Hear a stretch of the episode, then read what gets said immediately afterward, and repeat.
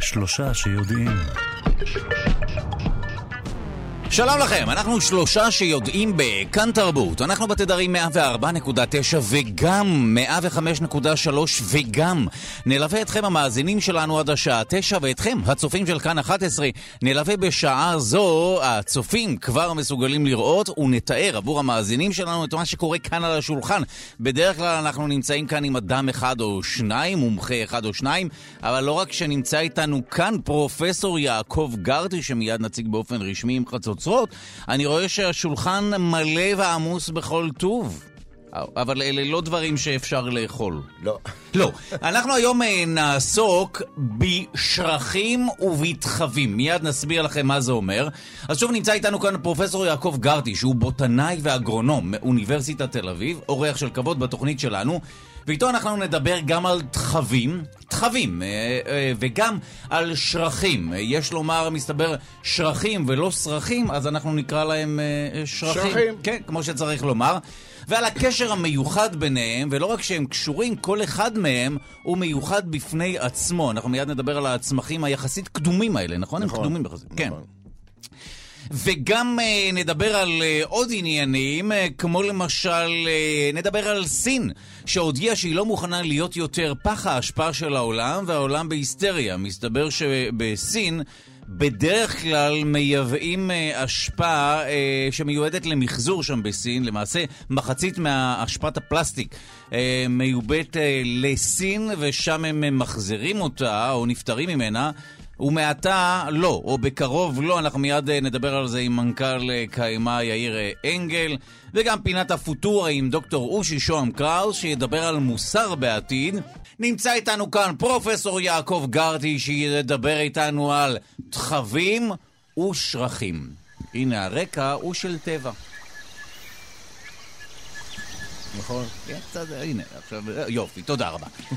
פרופסור יעקב גרטי, מה כל כך מיוחד בתחבים ובשרחים שנכון להקדיש להם אה, תוכנית? האם מדובר בצמחים כל כך סקסיים, או ששוב אנחנו מגיעים למשהו אזוטרי, מיותר, ומיד נעבור למשדר אקטואליה לא, מרתק? לא מיותר.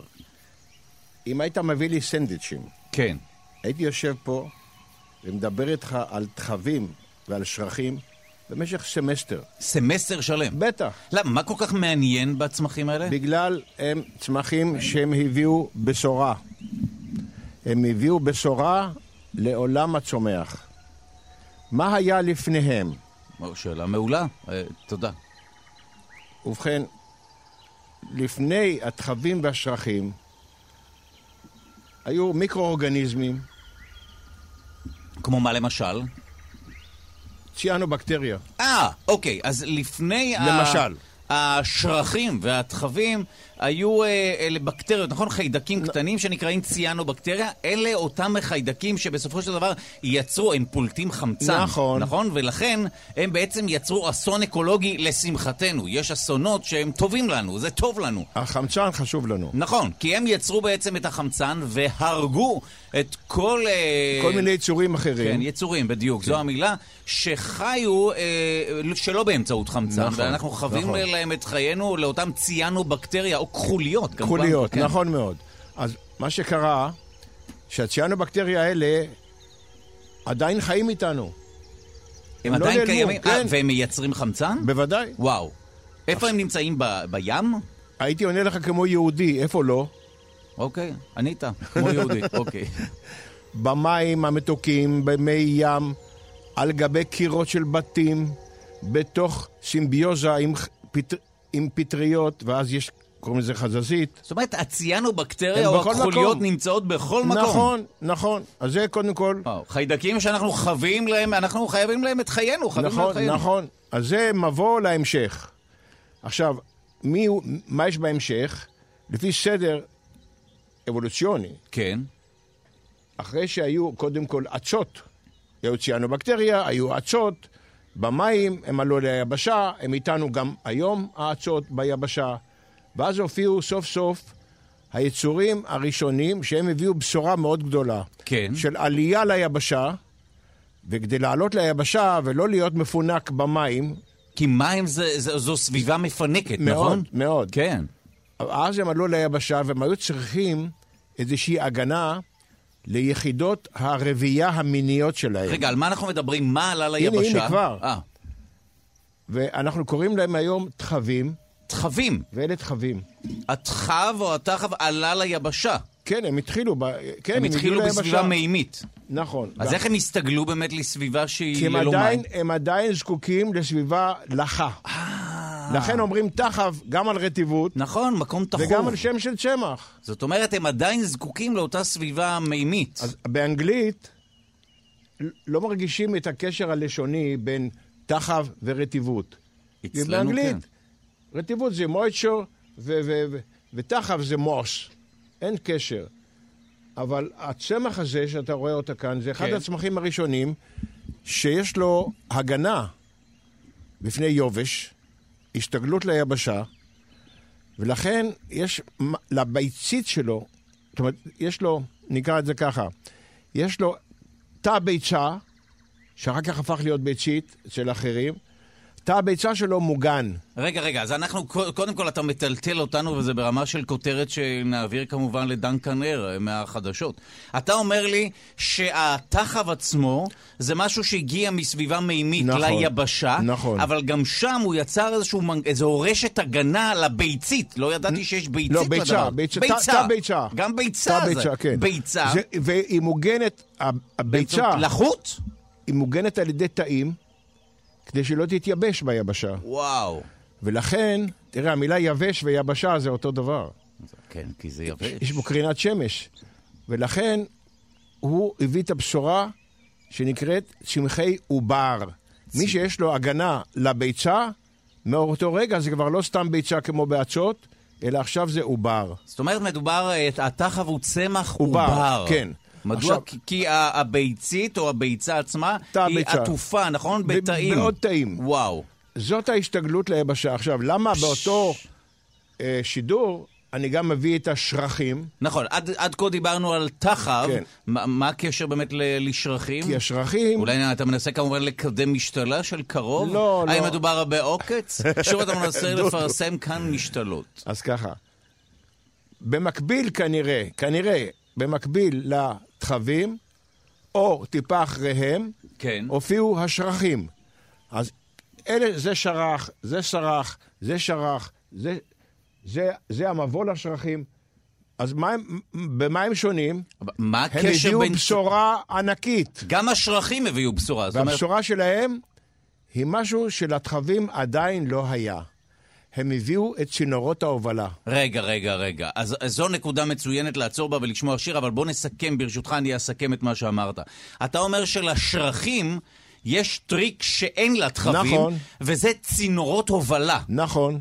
הם, הם, יש ב, ב, בשרחים, באופן כללי, ב, ברוב הצמחים. כל השרחים, כל השרחים, כן, ברור. כן. כל- גם הצמחים האחר כך. אחר כך, אבל השרחים הם ה- מהראשונים של שנוצרו צינורות ההובלה. שם. צינורות ההובלה. אז רגע, אז איך התחבים אה, מעבירים את המים בתוכם? מיטה לתא, מיטה לתא בדיפוזיה. דיפוזיה באמצעות פעפוע, זאת אומרת, נכון, זה כן, ממש תכונה כן. טבעית. כן. עכשיו, הצמח וואו. הראשון על פני כדור הארץ שהמציא את צינורות ההובלה, כן. נמצא איתנו פה בחדר. איפה? ענת רחל אורי! הנה הוא. מה, זה? אה, רגע, בוא נראה את זה למצלמה. הוא נקרא פסילוטום. הפסילוטום, אנחנו אה, נתאר למאזינים שלנו, אני מחזיק את הפסילוטום. רגע, הפסילוטום הוא סוג של... אה, ש- הוא מבוא לשרח. מבוא לשרח. כן. וואי, גם בטבע יש, לא רק באוניברסיטה. כן, נכון.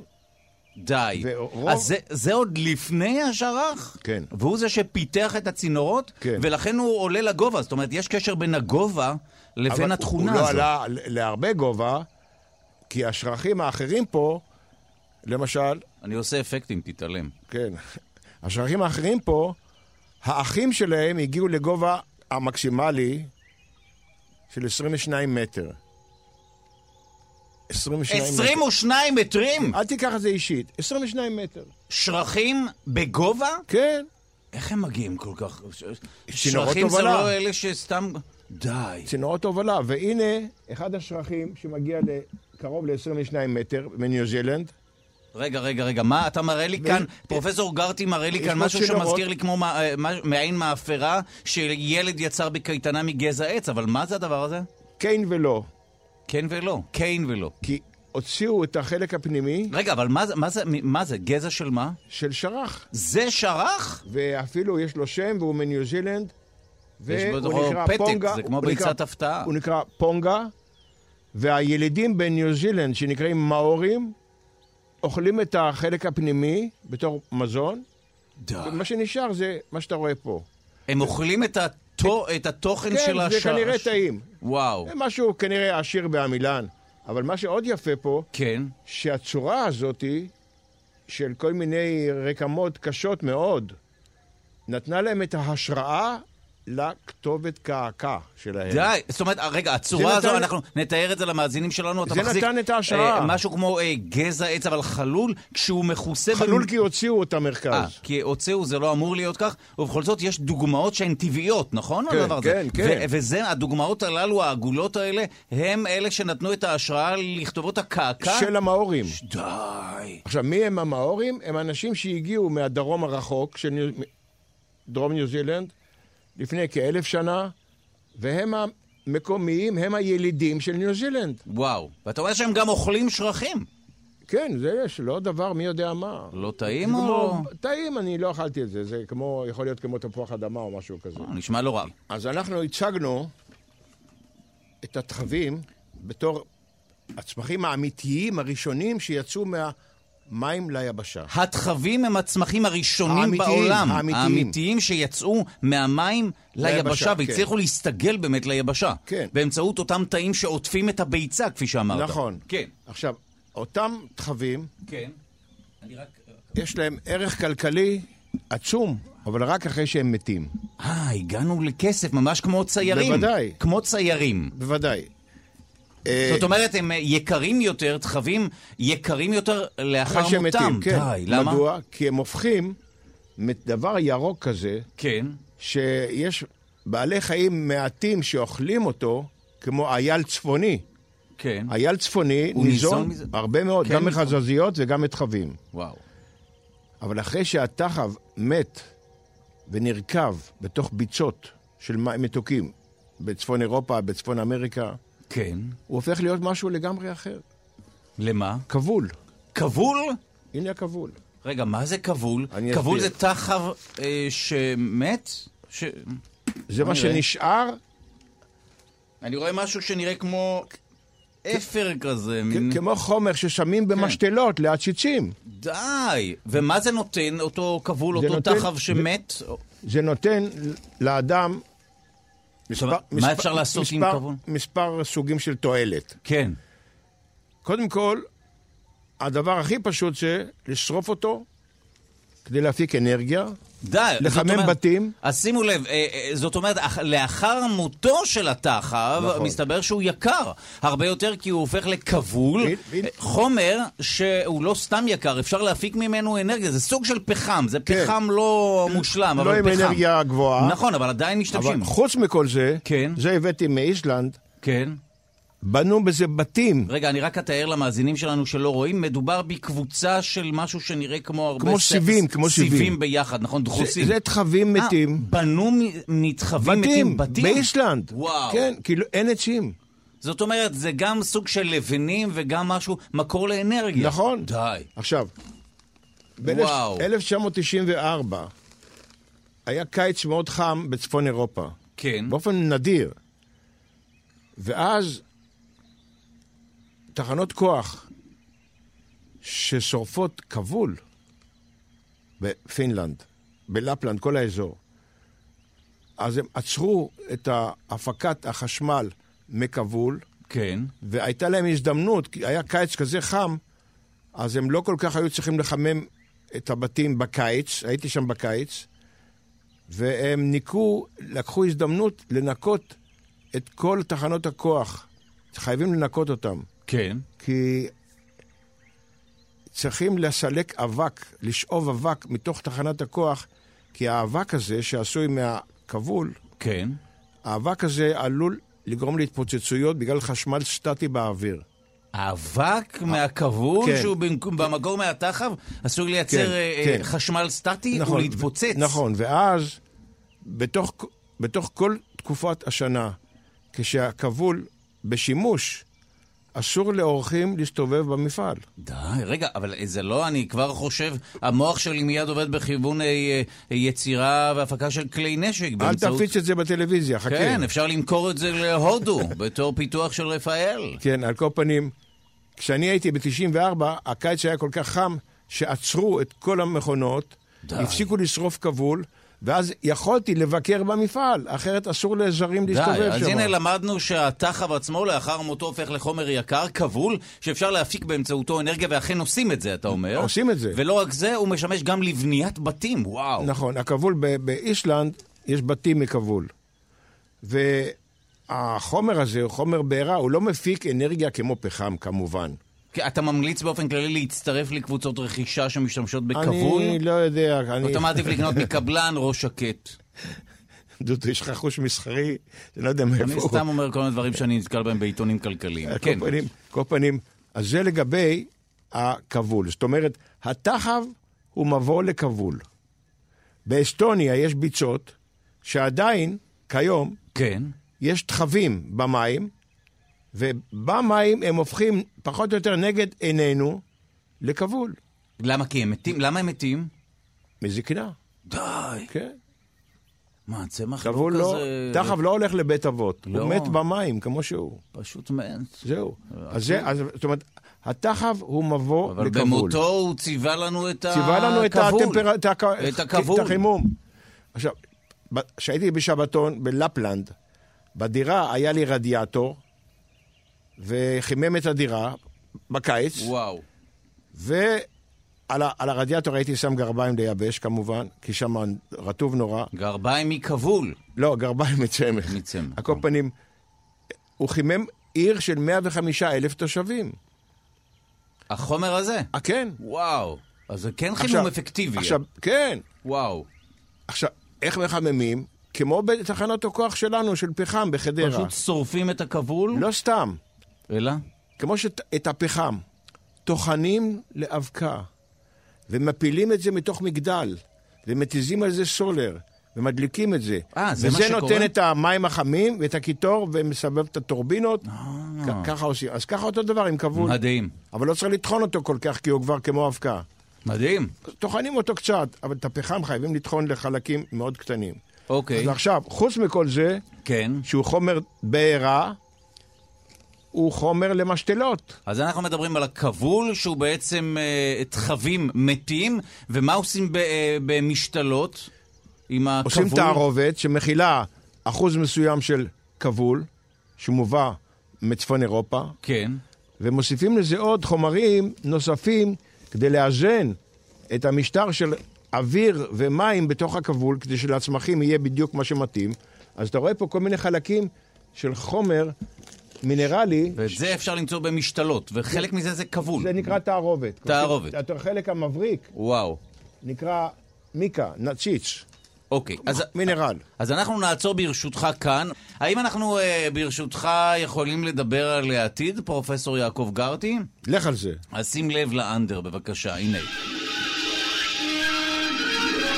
הנה באיכות אה, HD. פינת העתידנות שלנו, כבר נמצא איתנו העתידן, האיש שבשבילו דג וטוני הם סתם עוד שני נודניקים שמפריעים לו לכבוש את עולם העתיד. קבלו את האיש והפוטורה, דוקטור אושי שום קראוס, עתידן, אה, עוסק בעתידנות מעשית, בעסקים ובארגונים. שלום לך. דודו, אנחנו יכולים לשנות את השם של הפינה למשחקי חשיבה בעתידנות? כן, זה בעיקר מה שאנחנו עושים. בדיוק, בדיוק. כן, אז, מדוע אה, לא? אנחנו באמת אה, עושים כאן סימולציות, מנסים לחשוב מה יקרה בעתיד. כן. נכון. אז מה שרציתי להביא היום, זה בעצם נושא עתיק, שכשמדברים עליו יש בו משהו נורא טרחני, וזה מוסר. מוסר. כן, אני יודע, כשמלמדים, אני מסתכל על מה שהם לימדו את הבת שלי בגן, כל מיני דברים כאלה שקצת מזכירים קלישאות, ו... לא יודע, נשמע משהו משעמם, לפחות בשבילי. אבל אתה וישבתי יודע, כמו- וחשבתי... כמו הרבה קלישאות, זה לפ- לעיתים משעמם ובנאלי, אבל הרבה פעמים נכון. אני, אני מסכים, אני כן. מסכים, אתה צודק. אמ, אבל אתמול ישבתי עם סטודנטית, ופתאום היא שאלה אותי איזושהי שאלה, אמ, ופתאום קלטתי שהמוסר לפעמים, או החשיבה המוסרית, רצה אחרי המציאות ולא ממש מצליחה להשיג אותה. אני מנסה, אני אנסה להסביר את זה. כי פעמים רבות באמת אומרים שהכללים, הכללים המוסריים שלפיהם אנחנו חיים, וגם הכללים שמוסדרים בחוקים וכולי, באמת מדובר באיזשהו פער בין התקדמות הטכנולוגיה וכולי, בדיוק. באמת לבין כללי המוסר שאנחנו מנסים לחיות לפיהם או לגבש אותם. כן. בדיוק. והיא נתנה לי איזשהו תרגיל. היא כן. שאלה אותי ככה על המקום, אה, האם אתה יכול לדמיין אה, רוצח שלא מכיר את הנרצח שלו? רוצח שלא מכיר את הנרצח. כן, אבל זה היה לי נורא קל. לא הייתי צריך לדמיין כלום, כי רץ באינטרנט בשנה, שנתיים האחרונות סרטון עם תרגיל חשיבה נורא מעניין, כן. שמדבר על רצח מתוכנן מראש כשאת, כשהרוצח לא מכיר את הנרצחים. וזה קשור לרכב האוטונומי. כן, טוב, רצח זו מילה קשה, אני, אה, מדובר במשהו, למרות שיש שם ככל הנראה, אפשר לייחס כוונה למתכנת של הרכב האוטונומי, בדיוק. אבל בוא תסביר לנו למה אתה מתכוון. בדיוק. תראה, כשאני ואתה נוהגים, אנחנו נכנסים לכל מיני סיטואציות כאלה, תוך שניות. לעצור, לבלום, לחתוך ימינה, לחתוך שמאלה. אה, לפעמים הסיטואציות האלה יכולות לעלות לנו או לאחרים בחיים שלהם. לגמרי. ובדרך כלל, ככה אני חושב, אנחנו מקבלים את ההחלטה בלי לקבל אותה. זה יוצא משהו כזה של אה, עשירית שנייה, ואנחנו פשוט פועלים אה, אינטואיטיבית, אינסטינקטיבית, אני לא יודע מה המילה הנכונה. אבל הרכב האוטונומי, זה שנוסע מעצמו, משנה באיזשהו אופן את כללי המשחק. ויש תרגיל חשיבה נורא חמוד. כן. ומעניין שרץ באינטרנט, מצויר כזה, סרט מצויר שמתאר מצב. נניח שאני יושב ברכב אוטונומי, ולפניי נוסעת משאית, מימיני יש רוכב אופנוע חשוף, לשמאלי מכונית 4 על 4 נגיד. אוקיי. המשאית פתאום עוצרת, פתאום. עכשיו, יש לי כמה אפשרויות כשאני נוהג. אני יכול לא לעשות כלום ולהיהרג על ידי המשאית. אני יכול לחתוך ימינה, להעיף את האופנוען ולצאת יחסית בסדר, אולי להרוג אותו ולצאת בסדר, או לחתוך שמאלה ולהיכנס להתנגש ברכב, בארבע כן. על ארבע, ונראה מה קורה לי ומה קורה לו. עכשיו, כשאנחנו עושים את זה בעצמנו, אז אנחנו מחליטים תוך שניות, אבל כשמדובר ששוב, ברכב... אני לא בטוח שזו החלטה מוסרית באותן רגעים, באמת מדובר באיזשהו אינסטינקט אני, מיידי. אני חושב שאתה צודק. כן, זה, זה, אתה מהר מאוד מפעיל כנראה כללים... אה, ב, ב, כללים באחת לא מהמערכות. מודעים, כללים כן, לא ב- מודעים. במוח, אה, נכון. בטח כללי שרידה כאלה. מעניין. אבל אה, כשהרכב האוטונומי אה, עושה את הדברים האלה, זה הרי מחייב תכנות מראש. ואז זה אומר שהמתכנת עצמו, או חבר המתכנתים, צריכים להיות עסוקים גם בשאלות המוסריות של מה יהיה נכון לעשות בסיטואציות מהסוג הזה. זאת אומרת שאומר לנו דוקטור אושי שוהם קרסו, המתכנת מראש צריך להחליט מי ימות. וזה קשה. באיזשהו אופן כן. המתכנת יכול להחליט מי ימות. המתכנת, יותר מזה, הוא צריך להטמיע כל מיני כללי מוסר, וואו. וואו. ולייצר את המכונית בית, ולייצר לה אופי מוסרי. למשל, יש תפיסה במוסר שנקראת אגואיזם אתי. תפיסה רשמית, יפה, הגיונית, שאומרת שבן אדם צריך לדאוג לעצמו. עכשיו, אתה יכול לייצר את המכונית שלך שתפעל על פי כללים אגואיסטיים, שהיא תמיד תשמור על, עצמי, על הנהג בלי קשר. אפשר לייצר תוך, אה, מכונית שפועלת על פי כללי מוסר שנקרא תועלתנות.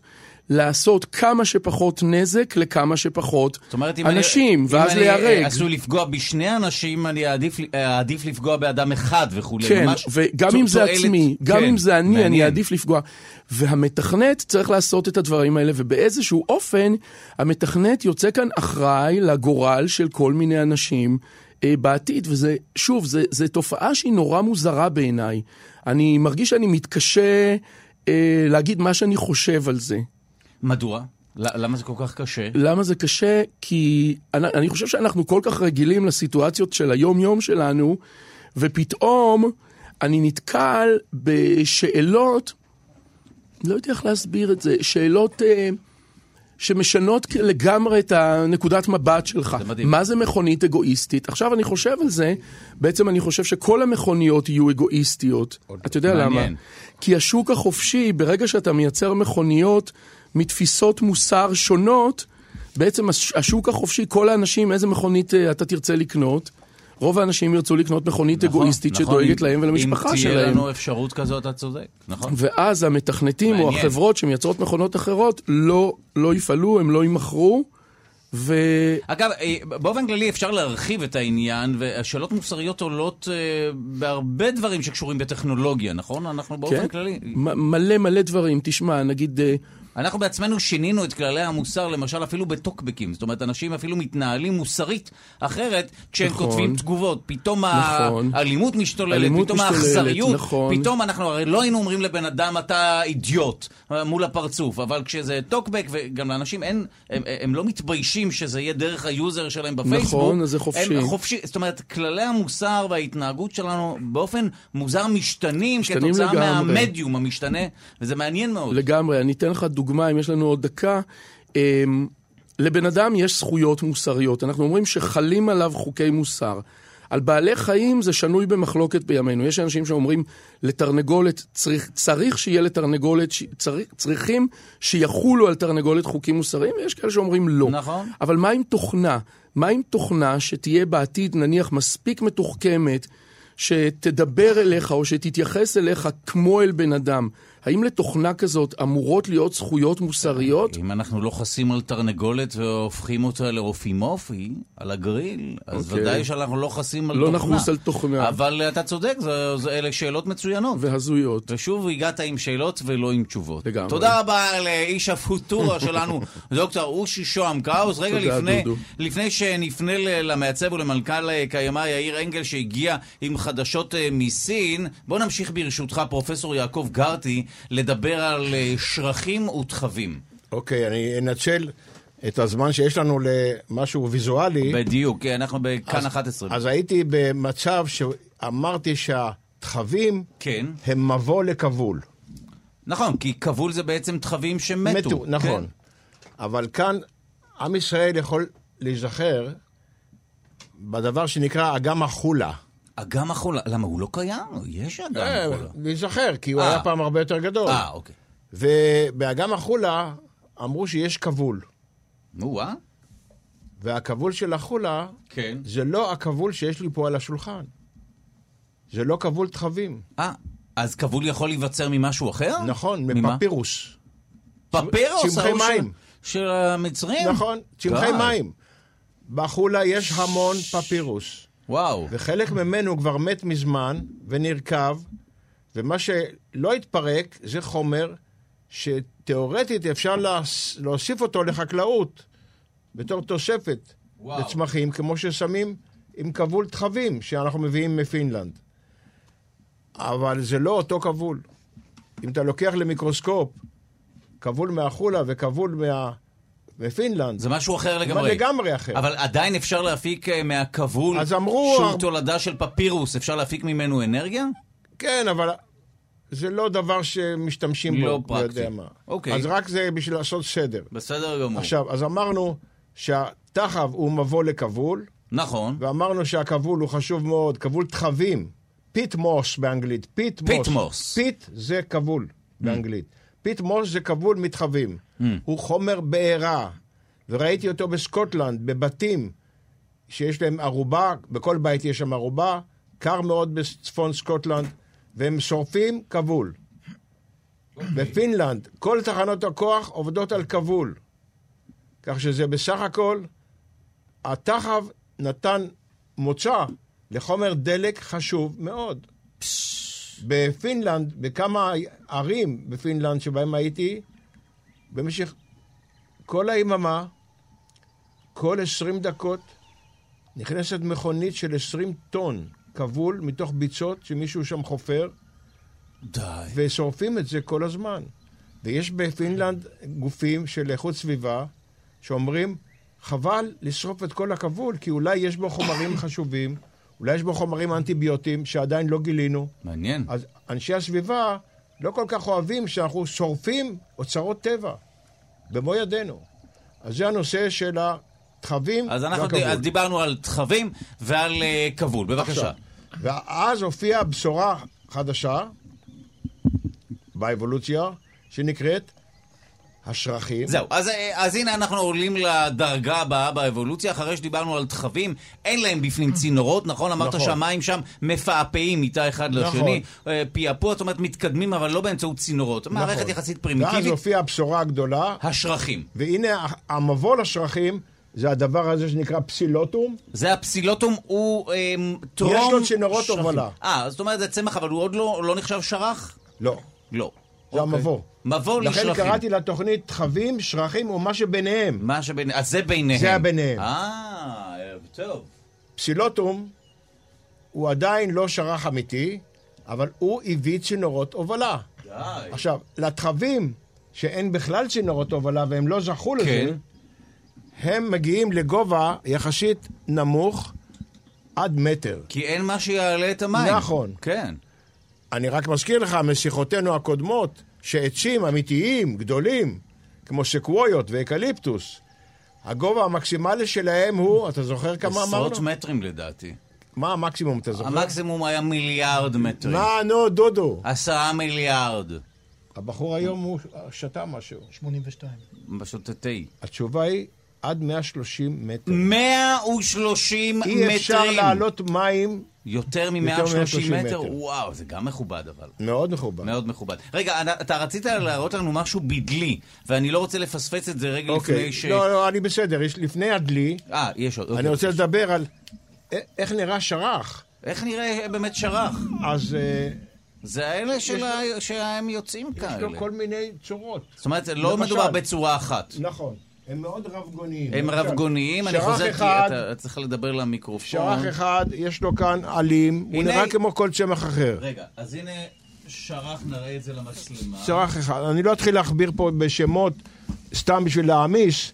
אבל- זהו שרח אחד, אה, זה והנה נראה שרח צמח אחר גנרי. שנראה לגמרי אחרת. והנה שרח שנראה כמו... תראה מה קורה, תראה מה קורה. זה משהו שמזכיר יותר אה, קרן קפוץ. של אייל. כן, נכון, אה, לכן הוא קרניים. נקרא קרן האייל הדו-קרני. די. אז זאת אומרת שה... בקצה שלו יש דבר שנראה כמו מחלה. לכלוך, נכון. תסתכל. מה זה הלכלוך החום הזה? נבגים. נבגים, זה הזרעים שלו. נ- כמו, אני כאילו, בהלם. כ- כאילו אה, זרעים. כי נבגים הם לא זרעים, אבל זה כאילו. כן. עכשיו, למשל, אז השרחים מאוד אה, רב-גוניים. עוד אחד, כן. שנקרא שערות שולמית. אה, זה ידוע בישראל. נמצא בנחל דוד, בעין גדי. אז אין מרפסת שאין את זה. נכון, זה שערות שולמית. הנה, ת- שוב דבר שונה. עכשיו, אני מנסה לזחול לאזור ההוא. כן. תוריד את העציץ הזה, הנה בבקשה. יאיר אנגל, מנכ"ל יאיר, קיימא. הנה, תראה. וכאן, זה סלט של שרחים. פה יש דבר מעניין. כן. פה יש שערות שולמית, שזה שרח אמיתי, כן. ועל ידו יש מבוא, מבוא לשרחים, שהוא בין הראשונים בעולם שהופיע עם איצטרובל. אז מה זה אצטרובל? רציתי באמת לשאול, אצטרובל מה זה שהיה? הדבר הזה? הנה אצטרובל, מה זה בכלל? מה זה? זה הצמח זה הזה- שק של זרעים? מהו אצטרובל? זה לא זרעים. אלא? איצטרובל זה איבר איבר? שמכיל בתוכו ביציות, איבר עם ביציות. ביציות הפעם. לא. זאת אומרת, זה כבר לא משהו ביצה. נקבי? זה- זה נקבי? אומרים נקבי. נקבי. זכרי הוא נקבי. נקבי. אז זה איסטרובל נקבה של אורן, אורן ירושלים, כן. ובין הקשקשים שלו, כן. של האיסטרובל, יש יש ביציות? ביציות, די. ומה שמבדיל את האורן מהתפוח או מהאפרסק, כן. שבאורן הביציות גלויות בזמן הה- ההאבקה. ככה חופשי בחוץ? זה ממש ככה. ולכן כל הצמחים האלה שהם חברים של האורן, וואו. כמו ברוש, סקוויה, ערער, ארזית, אשוח, אשוחית, כל אלה יש להם אסטרובלים, וואו. אסטרובלי נקבה לחוד אז מדובר... כן. וזכר לחוד. אבל אין אצטרובל זכר. יש. אמרת, אה, זה לא רק שק של ביציות? לא, לא, לא, לא. אה, יש אסטרובל אסטרובל זכר? יש לו אה. שק עם אבקה, דבר אחר. אה, זה ש- אבל- שיקגו, ואז, העולם הצודק. ואז כן. האבקה של הזכר צריכה להגיע לנקבה, וואו. ואז יש האבקה והפריה, ואז נוצרים בנקבה הזרעים. טוב, זה עד כאן, כי זו תוכנית גם לילדים. כן, אז אבל נעצור. זה היה בבקשה. בקשר לשרחים שהם מבוא לחשופי זרע כמו אורן. אז אני רוצה ברשותך אה, לעצור כאן, כי נמצא איתנו כאן אה, יאיר אנגל, שהוא מעצב ומנכ"ל קיימא, מרכז לתכנון ועיצוב מקיים, אה, עם פינת הקיימות שלנו, והיום אה, חדשות מסין, חדשות לא כל כך טובות. אמ, תלוי למ- תלוי בשביל מי. אה, שאלה מצוינת. כן. מה אתה בש- אומר? בשביל זה- הסינים זה חדשות מצוינות. אוקיי, אז הסינים מסרבים להיות פח הזבל של העולם. אחת לא ידעתי שהם פח הזבל של העולם, והנה הם אומרים, אנחנו לא מוכנים להיות. מה זה אומר? הם מייבאים ז- זבל או השפעה של פלסטיק? כן, הם, הם, רוב המדינות, כולל ישראל דרך אגב, מייצאות את הפסולת שלהם לסין. למה? מה הם עושים עם זה? הם ממחזרים את זה. אבל העניין הוא שאנחנו שולחים להם את מה שאנחנו לא אוהבים. את מה שאנחנו אוהבים אנחנו משאירים אצלנו. אוקיי, מעניין. כלומר, ברגע, מה שקורה היום, שבישראל למשל, כל בן אדם מייצר משהו כמו שני קילו פסולת ביום. אוקיי? שני קילוגרמים של פסולת ביום לאדם? כן, זה המון. לאדם. נכון, זה המון. וואו. המון. משהו כמו 13 מיליון טון בישראל, אם אני לא וואו. טועה. כמות אדירה. רוב הפסולת היום מוטמנת. מוטמנת, קוברים אותה. קוברים אותה. כולל פלסטיק? כולל הכל? כולל הכל. זה הכי, עכשיו, זה במקרה הטוב, בחלק מהמקומות זה מושלך, ל, מושלך לכל מיני אה, מקומות פיראטיים. אבל היום רוב הפסולת בישראל, אני חושב שהיא מוטמנת. חלק מזה ממוחזר, משהו כמו 20 אחוז. כל היתר זה פסולת מעורבבת. ברגע שהפסולת מעורבבת, היא מאבדת מהערך שלה. כי מערבבים את כל החומרים. כן. וחומרים כן. אורגניים, אה, חומרים ביולוגיים, חומרים טכניים, תרופות, הכל מעורבב. והסינים לא רוצים לקבל את זה. עכשיו, חלק מהפעמים מ- מ- מפרידים להם את הפסולת, אבל הפסולת כבר מלוכלכת, ויש בה כל מיני חומרים שהם לא מעוניינים שייכנסו אליהם. כי החומרים האלה, ברגע שהם מעורבבים, אה, ומנסים למחזר אותם, בתהליך המחזור מחממים. כן. חלק מהזמן גם מייצרים מזה אה, אנרגיה, שהתחילו לעשות את זה גם בישראל. כלומר, לוקחים את הפסולת ושורפים אותה כדי לייצר חשמל. בדיוק כמו כמו שהוזכר בתחבים, פה, כן. כמו עם התחבים. העניין הוא שתחבים שאתה שורף אותם הם חומר אורגני טבעי, וההשפעה ופלסטיק שלנו זה אה, על הוא ה- חומר אה, ש- מוציא גזים שמוציא רעילים. גזים רעילים. בוודאי. הוא מוציא דיוקסינים, שזה חומרים מאוד מאוד רעילים, מסרטנים. מסרטנים. אז רגע, אז הסינים אה, עד כה אה, רצו, הסכימו לקלוט. הם הסכימו לקבל את בעצם זה, קנו, הם- אני משער, לא? אפילו לא, שילמו אני על חושב זה. שבחלק מהמקרים הם אה, כן, הם אמרו מייצאים להם את זה, רק אבל קחו. בחלק מהמקרים הם קונים את זה מאוד מאוד בזול, הם צריכים המון אנרגיה, הם גדלים כל הזמן, יש להם המון אנשים, הם, יש להם, הם בשלב של התפתחות, והם לא רוצים לקחת את החומרים האלה יותר. ואז הם, אה, אה, רק שתבין, ב-2016 אה, ייצאו מהעולם לסין 29 מיליון, מיליארד טון, מיליארד, 29 מיליארד טון. נייר. ו-7 מיליארד טון אה, אה, וואו, אה, פס- פלסטיק? פלסטיק. וואו. אה, עכשיו, אה, מדובר בכמויות אדירות של פלסטיק שנוסעות לשם, והם אומרים, אנחנו לא רוצים את זה. אנחנו רוצים את חומרי הגלם האיכותיים. הם אומרים את זה מכיוון שסין עברה ל- אה, ל- לפיתוח בר קיימא. הם החליטו על עקרונות של קיימות. אה. הם לא טיפשים, לפני כמה מה, שנים. הם לא רוצים את הזבל הזה. לא רוצים את הזבל הזה. עכשיו, ומה, ועכשיו הוא נערם עברו במדינות 15, באירופה? עברו 15 יום, כולה, זה מראשון לינואר. די. עכשיו, כמובן שמראש כבר הם הודיעו על הדבר הזה, אבל המדינות לא נערכו לזה. צריך להיערך לזה כמה ולכן שנים. ערימות אשפה באירופה. כן. וואו. וגם אבל- הנמלים, נמלים. אתה אומר שכבר התחילו להיערם? כבר התחילו להיערם, לא רק באירופה, אפילו חלק כבר מהאוניות שמובילות את הפסולת הגיעו להונג קונג. וואו. יש עכשיו ערימות של פסולת. Uh, המספר שאמרנו קודם הוא, הוא לא היה מדויק, זה 29 מיליון טון, אבל זה פסולת, ממוח... זה פסולת עדיין כבר המון. ממ- ממוינת, זה המון המון, המון. אוקיי. פסולת. זה בדיוק מה שאנחנו זורקים לפחים הכתומים, אה, אה, הפסולת למשל של אריזות. פסולת אריזות היא פסולת מעורבבת, ויש שם חומרים, נייר, סוגים שונים של פלסטיק. ומכיוון, וצבע, כמובן, שהכל צבוע בצבעים שונים. הצבעים האלה, מכ- הצובענים, מכילים חומרים. מכילים אה, מתכות כבדות, מכילים חומרים מדהים בעייתיים. שאנחנו לא חושבים על זה. לא חושבים על זה. עכשיו, אפילו כשתפסת אותי כאן בחוץ, אוכל בננה ומשליך את הקליפה לפח, הסתכלת עליי כאילו השלכתי טבעת זהב. זה סוג של טבעת זהב, מכיוון שהדבר ה... בוא, בוא נדבר על מה אפשר לעשות, אוקיי? עם הקליפה של הבננה כן, שאכלתי. קליפה של בננה, אפשר לעשות ממנה, אני, אני אומר דשן, אבל אני יודע שפה פרופסור גרטי בפעם שעברה הסביר לי שלא אומרים ככה. זה זבל. אבל זה זבל. זבל. אני מת, אנחנו מתכוונים לזבל. למה, מדוע זה לא כי דשן? דשן זה משהו מיוצר באופן כימי. אה, וזבל זה דבר שהוא, למשל קומפוסט, הפרשות בעלי אה, חיים, זה משהו כן. זבל. אורגני וטבעי. אז אומרים זבל אורגני ודשן כימי. יפה. בציבור קוראים לזה דשן, אבל זה פשוט טעות, אבל אפשר לקחת את הבננה הזאת, לס- לזרוק אותה בקומפוסטר, זה מה שאני עושה בשבע השנים האחרונות. אני לא מדבר על אנשים שגרים דווקא בבתים פרטיים, אני גר בתל אביב, בקומה שנייה, אה, ואני מפריט את הפסולת ומייצר ואז מה עושים עם הקומפוסט הזה? שמים נותנים אותו לצמחים. בעציצים, הנה, כאן. כמו כמו שמים- כבול, כמו כבול. חבל שאין מכשירים כאלה ביתיים. או יש, שאת- יש. יש, יש מכשירים כאלה אני ביתיים. בהלם. יש מכשירים לגינה, ואפשר לעשות את זה בצורה מנוהלת על ידי אין לי המדינה. ש- אין לי שום בעיה עכשיו- ל- לרכוש. זה נשמע באמת אה, הדבר הנכון לעשות. נכון? אני- אני- אני בבית מייצר, אמנם אני גר במושב, אבל יש לי ערימת קומפוסט יפהפייה, ואני שם אותה בעציצים ומחלק לחברים די. זאת שרחים וכל מיני צמחים שאני אומרת, מגדל. אתה עוקץ את החברים ומשליך עליהם אשפה. איזה איש אתה, פרופסור גרטי, משליך על פ- אשפה על חברים.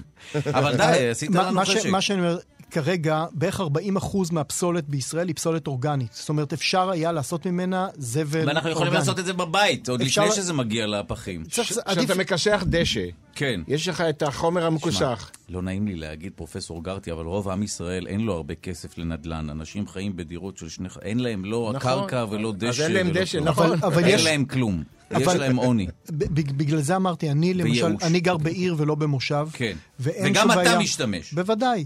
יש בתוך חצרות, אפשר לשים כזה קומפוסטר אחד לכל הבניין, אבל נכון. הפתרון הכי פשוט הוא, הוא לא כל כך פשוט, בגלל זה לא עושים אותו הרבה, אבל אני אתן דוגמה. בזיכרון יעקב, מפרידים פסולת, יש פח חום, ומפרידים את כל אבל הפסולת. הם שם, אתה מכיר את האנשים בזיכרון. לא, אבל הם זה- אה, אה, אה, מפרידים. לא, עושים, את זה, עושים את זה בכל העולם, עושים את זה בערים. בישראל התחילו להכניס את זה, השקיעו בזה הרבה מאוד כסף, ולפני כמה שנים, אה, שזה כבר התחיל לתפוס תאוצה, לוקח לזה שנים. ל, ל, צריך לחנך את הציבור, צריך שיתוף פעול- פעולה של אנשים, ואז מעבירים את זה למכונים מסוי... מ- מכונים מיוחדים, שכמובן צריך להשקיע בתשתיות ובהקמה שלהם, וזה אבל- מייצר דשן בצורה... הרי ב- בסופו של דבר נגיע לשם. מוקדם במוקדם יכול או להיות. במאוחר נגיע לשם. לא ברור שכך.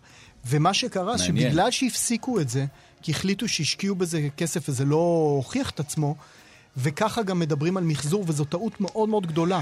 הדרך היחידה היא להפריט את הפסולת במקור, ולנ... ולנתב את הפסולת הנכונה למקומות הנכונים. אגב, דיברת על קליפה של בננה, אה, הגברת שירה מידני מכאן אה, תרבות אה, בהערצה, אומרת שאפשר גם להכין מסכה לפנים מקליפה של בננה. אפשר להכין מסכה לפנים. ורגע, לא שומעים אותך, אז אני אחזור על מה שאת אומרת. לא צריך להכין, פשוט לקחת את הקליפה ולמרוח על הפנים, אבל וזו זה- המסכה הכי אה. טובה. אבל זה תורם לאור או שזה סתם אה, לא לכלך את ניסיתי. הפנים? לא ניסיתי, אבל ראיתי סרטון שיש בו מיליוני צפיות. אבל את יודעת, ביוטיוב יש גם סנאים שמנגנים על קסילופון, זה לא אומר שזה אמיתי.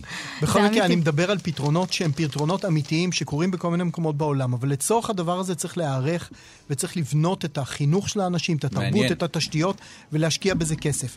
מה שקורה שברוב המקומות באירופה ובארצות הברית, וגם בישראל, לא מפרידים את הפסולת בצורה יעילה, ולכן, וכל הזמן היה לאן לזרוק את זה. ברגע שזרקו את זה לסין, הכל היה בסדר, הם כבר אה, אוכלים את כל הזיהום. ברגע שהם לא רוצים לאכול יותר את הזיהום, פתאום יש לנו בעיה. עכשיו כמובן שכל המדינות האלה מנסות מיד אה, ל- ל- להקים הסכמים עם הודו, מלזיה, אה, מחפשים את אפריקה, הקורבן מחפשים, הבא. מחפשים את הקורבן הבא. והעולם השלישי הוא החשוד המיידי. כן, כי הם, הם, הם צריכים את הכסף, הם צריכים את האנרגיה. וואו, עצוב מאוד. והם אוכלים את, ה, והם אוכלים את הזיהום ואת קצת המחלות. עצוב, כן. מאוד עצוב אפילו. נכון. עכשיו, אנחנו יכולים, אחד, לצמצם באופן דרסטי את השימוש. פשוט לצמצם, אין, אין לנו מה לעשות עם כל כך הרבה דברים. פשוט אפשר. אה, עכשיו מתחילים מתחיל לדבר למשל באנגליה על פתרון שאנשי הסביבה מציעים אותו כבר הרבה שנים. למשל, מה? למכור בתפזורת בסופרים. יש חלק מהדברים בלי אריזות. או בלי אריזות, או כן. כן. למלא אריזות מחדש. עכשיו, אנחנו מכירים את הדברים האלה מפעם, אבל כמובן שאפשר לעשות את זה דיגיטלי, אתה יכול לדעת, אתה יכול לקבל התראה מהסמארטפון, מתי אתה צריך לקנות אה, סבון. אתה יכול לקנות ובאופן פסטה. כללי אפשר גם לקנות פחות. עזוב, אלה לגמרי. דברים שעוד חייבים. נכון, אנחנו נכון. הרי תרבות שמתייחסת לצריכה ולקניות כסוג של דת. לגמרי. קצת איבדנו את זה, בואו נגיד את האמת. אז אפשר לצמצם, אפשר להשתמש מחדש בכל מיני מוצרים. לא צריך לזרוק אותם לפח בכלל. אפשר מעניין. להשתמש בהם מחדש.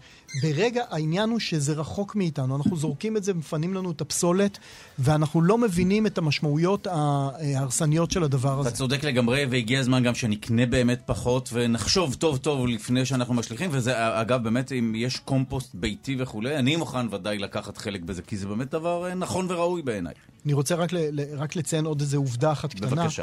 לא כל הזבל הזה, זה עוד מה שאנחנו אוספים וממחזרים. היום ידוע לנו, יש משהו שנקרא אה, מרק הפלסטיק. יש, ב, אה, יש באוקיינוס אי אי שלם של מפלסטיק, פלסטיק. נכון. עכשיו, רק צריך להסביר, הוא בגודל של טקסס. וואו. עכשיו, לא רואים אותו מלוויינים, כי זה, ש- ה- הפלסטיק שוקע טיפ-טיפה במים, אבל הוא צף, וההערכות היום, אי אפשר לבנות שם אה, בתי מלון? אפשר, אני מניח שיעשו את זה באיזשהו חנויות? שלב, אבל uh, היום ההערכות הוא הם, שעד 2050 יהיה יותר פלסטיק באוקיינוס מאשר דגים. וואו. עכשיו, את, ה- את הפלסטיק הזה היום, אז אולי החברות מתחילות להבין את זה. גן שיאפשר לנו לאכול פלסטיק, ומי שלא ימות, זאת תהיה האבולוציה. צריך לדבר עם גרטי מהר שיפתח אה, את זה.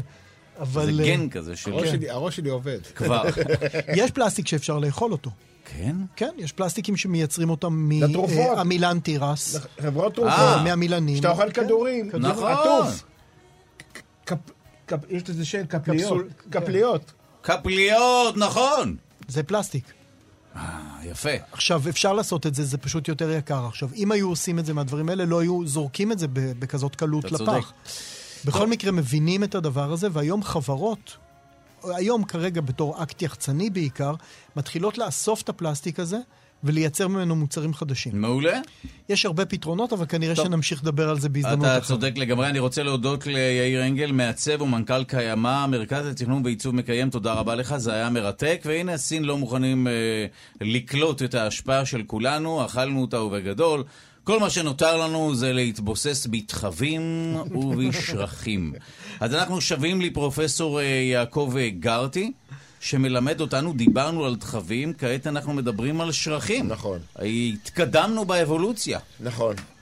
אני רוצה פה להגיד אה, משהו שקשור לאבולוציה אצל השרחים, כן. הרי הם, הם צמחי יבשה. הם נוצרו ביבשה? זאת אומרת, הם לא, לא... לא, הם- בניגוד לתחבים, הם הם התפתחו ביבשה. פתחו ביבשה, כן. אבל מה שקרה, שיש מספר שרחים מאוד מצומצם שחזר למים. די! כן. תראה מה זה! והשרח הזה, הבאתי אותו איתי. אבל הם חזרו למים עד שהתחב יצא החוצה, בסוף נכון, השרחים נכון, חזרו. נכון. תאמין לי, והנה הטבע עכשיו- הזה זה בית יאיר, תן לי משוגעים. את הצלחת ההיא בבקשה. רגע, אה, פרופסור גרטי מחזיק דלי, ו- הוא כרגע ו- לקח רגע, אני אקח צלחת, פה את המקום הוא- הזה, הוא יאיר. שופך לתוך הצלחת משהו מדלי, אני לב. אתאר לכם מה קורה, כן, לא רואים אותנו. רגע, אתה עושה את זה עם היד, הוא מוציא עם עם היד, איך, אה, לא איך, לא נורא, עלים רטובים. שרח, מים. שר- ש- שרחים! עם מים. שים אה, לב. זה- זה אלה שרחי מים? כן, די. הוא חזר למים. תראה, זה- זה עצלן, זה עצלות. הוא יכול היה להסתדר ביבשה. אני לא יודע מה עבר עליו ביבשה וכמה זמן הוא היה ביבשה. זה בטח כבר צאצאים שהשתנו מאוד כן. ועברו השתגלות. אבל השרח הזה נקרא אזולה. אזולה. אזולה. והשרח הזה, כן, בבקשה, רק אה, דבר אל המיקרופון ולא לשרח. השרח הזה, כן. יש לו דבר פנטסטי. שרח שחזר למים! כן, אבל יש לו דבר פנטסטי, שלא לכל אחד יש. כן. בתוך השרח חיה לה ציאנובקטריה. בשרח עצמו? בתוכו, בחלל של העלים שלו. די. אותה כחול- אה, אותן אותן כחוליות? שלמדנו עליה פה. וואו, שהפיצו את ה- אה, וזה את מודל, החמצן. מסתבר שבעולם מישהו מייצר מודלים בשביל בתי ספר, וזה שרח שמכיל, השרח הזה מכיל את הציאנובקטריום הזה, אפילו עשו לו פה עיניים בתור צחוק. זאת אומרת שהיום יש שרחים, אה, שרחי מים, שמכילים בתוכם את ציאנובקטריה. הציאנובקטריה או את הכחוליות. נכון. שהן, אה, אה, מדובר באותם חיידקים שייצרו את החמצן, את האטמוספירה של נכון, החמצן שלנו. אבל איפה הסיפור פה? כן. השינים, שהרגע הזכרתם אותם בהקשר לגמרי אחר, כן. ואני בעצמי הופתעתי מהנושא, השינים מפזרים בשדות האורז שלהם אזולה. מדוע? שרחי מים. מאחר ובתוך השרח יש ציאנו-בקטריה. בקטריום. חוליות, כן. שנקרא נוסטוק, נוסטוק. קראו לו הרבה שנים בשם אחר, בסוף שינו את זה בגלל ביולוגיה מולקולרית, ראו שהוא לא אנבנה אלא נוסטוק. כן. והנוסטוק הזה, יש לו שורה של תאים, ותא אחד הוא לא ירוק, אין לו כלורופיל. למה? ובתא הזה הוא עושה דבר שאף אחד מאיתנו לא יודע לעשות. הוא קושר חנקן אטמוספרי מהאוויר שבתוך העלים, והופך את זה לחומצות אמיניות, ובונה לעצמו חלבונים, ובונה את מה? גופו. זה מין סוג של פוטוסינתזה זה מוזרה. סימביוזה מטורפת. וואו. ואז מה מסוגל ש- לקלוט חנקן מהאוויר. ו- מהאוויר ולהפוך אותו לחלבון? נכון.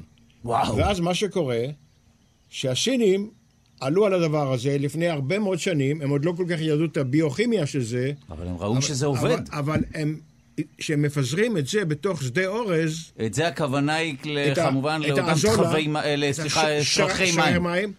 מה שקורה, שהאורז מתחיל לגדול, ואחרי כמה זמן הם מורידים את המפלס של המים, כן. ונותנים לאזולה להירקב בתוך הבוץ של השדה, וכל החנקן שהאזולה תפסה בחינם מהאוויר, כן. הרי אין להם כסף ל- לדשן, לקנות דשנים. אז החנקן מגיע מהאוויר, חינם. ורק מפזרים את זה, והוא מכפיל את עצמו כל עשרה ימים. וואו. מכפיל את הנפח שלו. אה, מדוע הם זקוקים לחנקן? זאת אומרת, מה זה נותן לאורז? החנקן? תגיד אתה, הוא נותן משהו? תגיד אתה. מה האורז החנקן? כל צמח צריך חנקן. חנקן? בוודאי. חנקן, זרחן ואשלגן. והוא תופס את זה חינם מהאוויר. אני בהלם, הסינים האלה הם לא... לא, הם טיפשים, לא פראיירים. ממש. נ- נכון שהם לא פראיירים. תראה מה זה. ואז הסינים מפזרים את זה בשדה, וואו. ויש מכון האורז בפיליפינים, ששם בודקים טיפוסים חדשים. של ש- שרחי של מים. שרחי מים. וואו, ו- הכל וגם- כדי לקלוט חנקן עבור נכון, האורז. בחינם. וואו. עכשיו, אתה רואה מה זה שרח. זה בית חרושת שתופס חנקן בחינם. אתה מדבר על כל מיני מחזורים וכל מיני דברים זה של קורה קיימא. בטבע. הנה לך דבר שעושה את זה מיליוני שנים. מדהים. זו סימביוזה ממש מדהימה. מדהימה. טוב, אז הנה למדנו שיש, השרחים בעצם התפתחו ביבשה, אבל חלק- חלקם חזר, אה, או הם חזרו למים, והם אה, יצרו מין סוג של סימביוזה מעניינת עם כחוליות, עם ציאנו-בקטריה, נכון, נכון. וגם מסוגלים לקלוט חנקן מהאוויר. מהאוויר. והאורז נהנה מזה, והסיני, שהוא בקצה השרשרת, הוא נהנה הכי הרבה. הוא יש לו עכשיו אורז. עכשיו, יש לי שאלה לקהל כאן. לקהל, בבקשה. למה מגדלים אורז במים? חשבתם על זה פעם? אתם הולכים לכם פה ברחובות, הולכים לקולנוע, רואים טלוויזיה, ולא משקיעים דקה אחת בלחשוב למה הסינים מגדלים... אני- אני- שאלה אני- מצוינת. אני מתחיל להתרגז. לא, מה- לא, אתה צודק, מהשאלה. אבל זה זעם אישי על יאיר רנגל, מנכ"ל ומעצב... למה מגדלים הסינים את האורז במים? כי זה יותר אה, לך כזה, נעים. לא, זה יותר מים כזה. את ביולוגית? אה, אה, אה, מה, מדוע, אולי הם צריכים לספוח מים, האורז, התשובה תהרוס אותך, דודו. שענת רחל אורן מציעה אולי שיהיה יותר בשר באורז, להוציא את זה? שיהיה יותר אורז בבשר, יאיר אנגל מציע חבר'ה- שיהיה קל להוציא את זה. הסינים עלו על זה מזמן. כן. סופר חומרים. אני אשאל אתכם הפוך. כן. לאתגר את את כולנו. למה מגדלים מים באורז? אורז במים. אורז במים. כן. למה? ובכן, תשמע, אני אשאל אותך שאלה עוד יותר מאתגרת. אם אני לוקח זירי אורז, כן, מבזר את זה אצלי בשדה, אצלי בבית, במושב, כן. פותח ממטרות, האורז גדל. הוא גדל? כן. אתה שואל או עונה, כמו ששאלו אותי פעם בבחינה? תשמע, האורז יגדל, אבל מי יגדל יחד איתו? כל עשבי הבר. אה, ואיך תיפטר מהם? אז זה כדי לחסל עשבים? רק בגלל זה. וואו. איזה גאונות. האורז יכול לנשום גם אם בתוך מים השורשים שלו.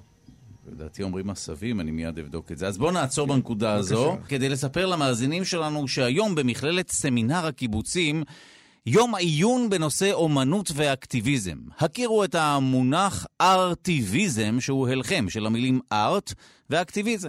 מה הקשר בין השניים? הרי ידוע שהאומנות נועדה לשפר את המראה של הקיר שלי בבית, וכך אוכל גם להשוויץ בכסף מיותר שיש לי, ואקטיביזם זה לצעוק ברחובות, כל פעם מסיבה אחרת.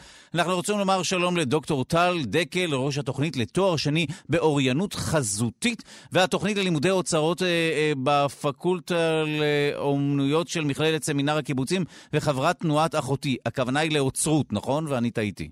שלום. בוקר טוב, אה, אז, בוקר טוב. אז בואי אה, תאמרי לי אם קראתי את, ה, אה, את הטייטל שלך נכון. ראש התוכנית לתואר שני באוריינות חזותית והתוכנית ללימודי אוצרות, הכוונה היא נכון לאוצרות, מאוד. נכון? כן, כן, אני נכון טעיתי. מאוד. לא אוצרות של פיראטים, אלא אוצרות. בפקולטה לאומנויות של מכללת סמינר הקיבוצים וחברת תנועת אחותי. מהי תנועת אחותי?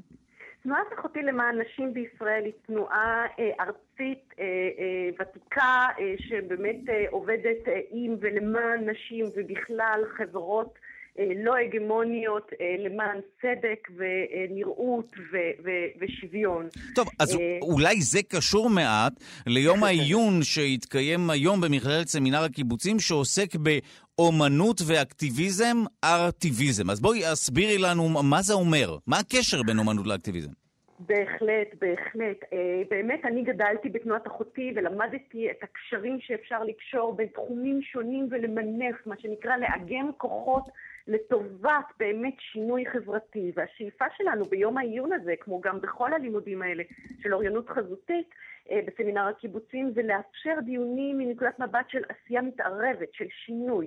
והשאיפה היא באמת ל- לזמן אה, גם מחשבות ביקורתיות על העולם סביבנו, אבל גם בהחלט ובצורה גלויה לעורר לפעולה, לשינוי בעולם האמיתי, באמצעות אה, יוזמות אומנותיות שבאמת עוברות אל העולם. אז אה, תני לנו דוגמה איך אפשר אה, לחולל שינוי בעולם אה, באמצעות אומנות. הרי אומנות זה משהו שהוא יחסית אה, לאנ- לנפש, לרוח, משהו פחות אה, ובכן, עם שיניים, לא? ובכן, נכון, נכון, לכאורה. לכאורה. אתה צודק. עם זאת, כמובן שאנחנו מכירים אומנות רחוב, אומנות של מיצגים שיוצאים אל הרחוב, אל העולם האמיתי, ואוסרים את הקשרים האלה. שמושכים פנימה את תשומת הלב של אנשים, מה שנקרא, לא מודעים לתוך העניין, והנה נפלנו פתאום לאיזו יצירת אומנות, אנחנו בעיצומו של מיצג. אבל בעצם אנחנו עושים אומנויות. אז אני אתן דוגמה דווקא מההרצאה הראשונה אה, ביום העיון שלנו, כן. של רחלי סעיד, שעוסקת ב- בנושא של פרשת ילדי תימן, המזרח והבלקן, והיא אה, יוצרת אה, יחד עם חנה וזנה אה, גרונוולד את, ה, את, ה, את, ה, את, ה, את ה... סליחה, התיאטרון עכשיו, את ההצגה יולדות.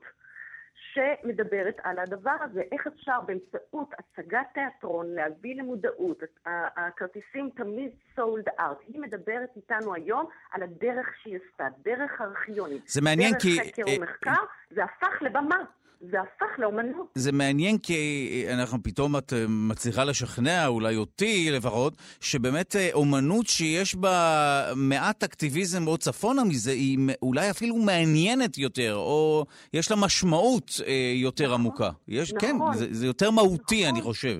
אתה כן נכון. עושה שינוי בעולם, ולא רק אה, פורק אוקיי. איזשהו רגש, או... נכון, נכון. היא ממש מניעה אותנו לפעולה. כן. היא מוציאה אותנו מאזור הנוחות שלנו, וחושפת בפנינו נקודות עיוורות שאפילו לא ידענו שאנחנו לא יודעים, או נוח לנו לא לחשוב עליהן. אבל תגידי, אני כן- אתן- זה לא גורם לנו לאי נוחות? הרי אה, אה, הרבה פ- פעמים רבות אנשים מנסים להימנע מ- מלהיחשף ל- לדברים האלו, ומשתמשים באומנות כמשהו אק- אסקפיסטי. אני לא רוצה ובכן- לצחוק וכולי. נכון, נכון. ובכן, אנחנו מאמינים שאומנות לא נועדה עוד, כמו בתקופה ההיסטורית הוותיקה, להיות באמת משהו אסתטי, רק יפה על הקיר. לא שאני נגד אסתטיקה ויופי, אלא שאני באמת חושבת שכמעט מבחינה פילוסופית, המטרה של אומנות היא בהחלט לקרוא לפעולה, לקרוא לתשומת לב את הדברים. אפשר להשתמש באומנות בצורה חברתית, פוליטית. שוב, לא פוליטיקה פרלמנטרית של ימין ושמאל, ודאי. אלא חשיפת יחסי כוח, עכשיו, אה, נושאים חס... שחסויים. האם גם אם אני לא אומן בהגדרה, אני לא יודע איך, אה, איך עובדת ההגדרה הזו, אבל כל אדם יכול ליצור משהו מה- שהוא מעשה אומנות אקטיביסטי?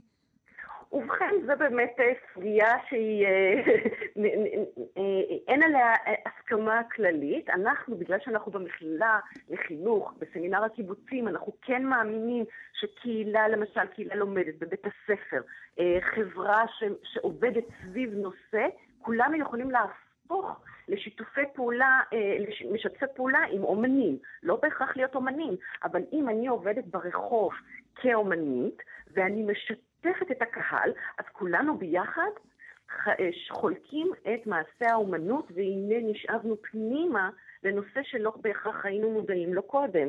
למשל, האומנית אלכס קורבטוב, שתדבר איתנו היום, היא יוצאת ברית המועצות לשעבר, היא, מה- היא תדבר על היותה מהגרת, אומנית פמיניסטית אקטיביסטית. שנה שעברה ביום האישה הבינלאומי, יחד עם וננה בוריאן, עשתה מיצג ענקי באמצע שדרות רוטשילד, עשוי כולו מכרטיסי נשים בזנות. אה, אה, וזה היה אה, בכל העיתונים, ואנשים עצרו, הם לא ידעו שהם באים ליצירת אומנות, הם לא באו למוזיאון. הם באופן בלתי מודע הסתובבו להם בשדרות רוטשילד. זאת אומרת, זה משך את העין, גרם לאנשים להתקרב, ואז בום, פתאום בדיוק. זה היכה בהם. זאת אומרת שאנחנו משלבים או מבקשים להבין את הקשרים שמתקיימים בין אומנות, חברה ואקטיביזם, מתוך מטרה מוצהרת וברורה שאנחנו מבקשים לעשות שינוי בעולם לטובה.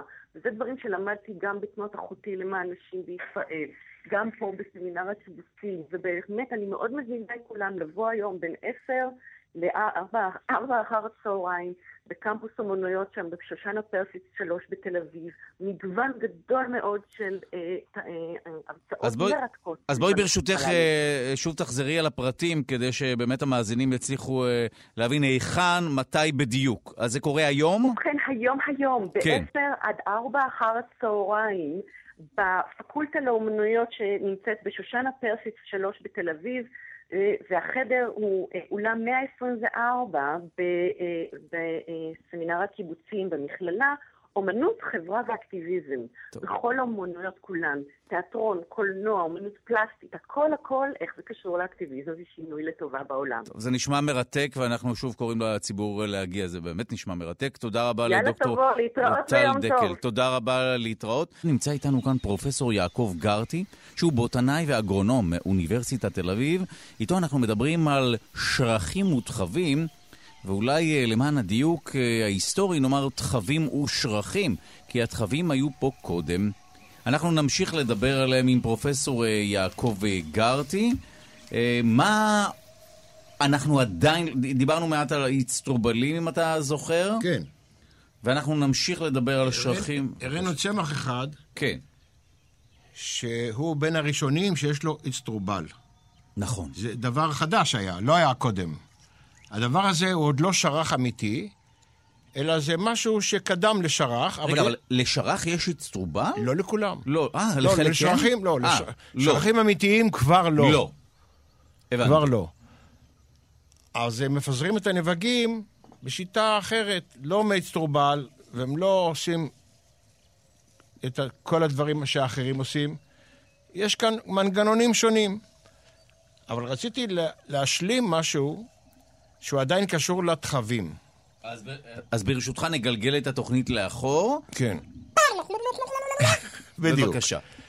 ודיברנו שהתחבים אחרי מותם הופכים להיות כבול. והבאנו פה כבול, וכולם ראו את הכבול. האם יש לך מושג לגבי כבול? חוץ מזה ששמים אותו במשתלות, משתלה, כנראה ככה צריך לומר. אומרים משתלות, אבל כנראה שצריך להגיד משתלה. וצריך לזכור שהכבול הוא חומר דלק יקר, אולי אפילו יקר מדי, וייתכן שאנחנו עושים עוול לסביבה, שאנחנו שורפים מיליוני טונות של כבול זו כדי להפיק השאלה. חשמל. האם אנחנו, זה שאנחנו יש לה כבול- שורפים אה, תחבים שמתו, כן. שזה בעצם כבול, האם זה דבר נכון? האם זה אקולוגי או לא? אנחנו יש, לא יש- יודעים. יש ויכוחים בה- בהרבה ארצות על העניין הזה.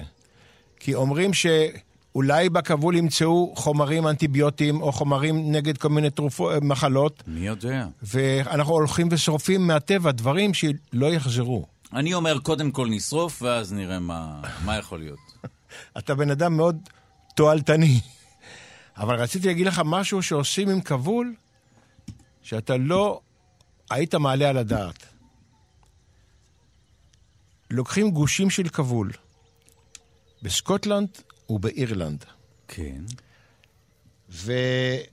ומזינים אש עם הכבול הזה. והאש הזה בוערת מתחת לערימות של שעורה, גרגירי שעורה. ואז נוצר המון עשן. והעשן הזה עובר דרך מבשלות של וויסקי.